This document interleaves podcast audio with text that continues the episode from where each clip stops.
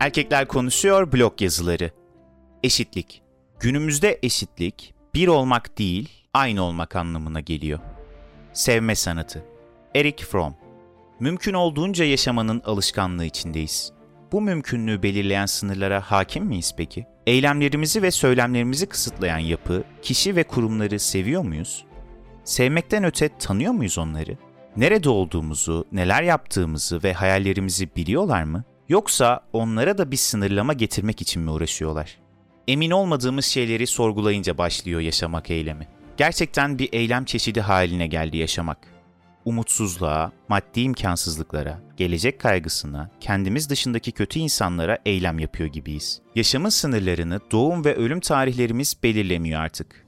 Kaçtığımız sorunlardan geriye kalan hayatı yaşıyoruz kim olduğumuzun önemi yokmuş gibi, aldığımız kararların hiçbir önemi yokmuş gibi hepimizin aynı olduğu düşüncesiyle yaşlanıyoruz. Yaşımız kaç olursa olsun bu ihtiyarlama hali de devam ediyor. Eric Fromm sevme sanatını yazdığından beri 65 yılın geçmiş olması bile engel olmamış halen daha bu düşüncede insanların var olmasına. Günümüz 65 yıl öncesindeki eşitlik düşüncesini savunuyor halen. Bir olma kavramı toplumlar için dahi geçerli olmayan bir hale geldi. Aynı olan düşüncesinden eylemlerine aynı şeyleri yapan bireyler mutlu olmayı hak ediyormuş gibi yaşıyoruz. Farklılıkların bir arada olduğu, yani asıl insanlık eylemi medeniyet göstergesi haline geldi.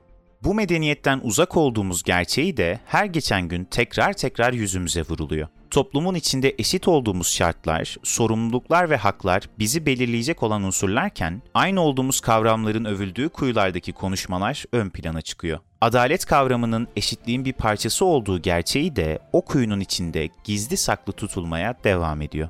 Arşınladığımız yollarda tanıştığımız birbirinden farklı insanlar ile kurduğumuz hayat, fikirlerin tartışıldığı ve toplum için önemli kararların alındığı ortamlarda önemsizleştirilmeye devam ediyor. Eylemsiz kaldığımız her gün biz de önemsizleşiyoruz. Nerede, hangi konumda olursak olalım, hayata geçirdiğimiz her düşünce bizi daha eşit kılacak. Adaletin gerekliliğini savunmak bize düşüyorsa bu modern çağda savunucusu olduğumuz şeyin evrenselliğini ve insanlık bilinci olduğunu unutmadan ilerlemeye devam etmeliyiz.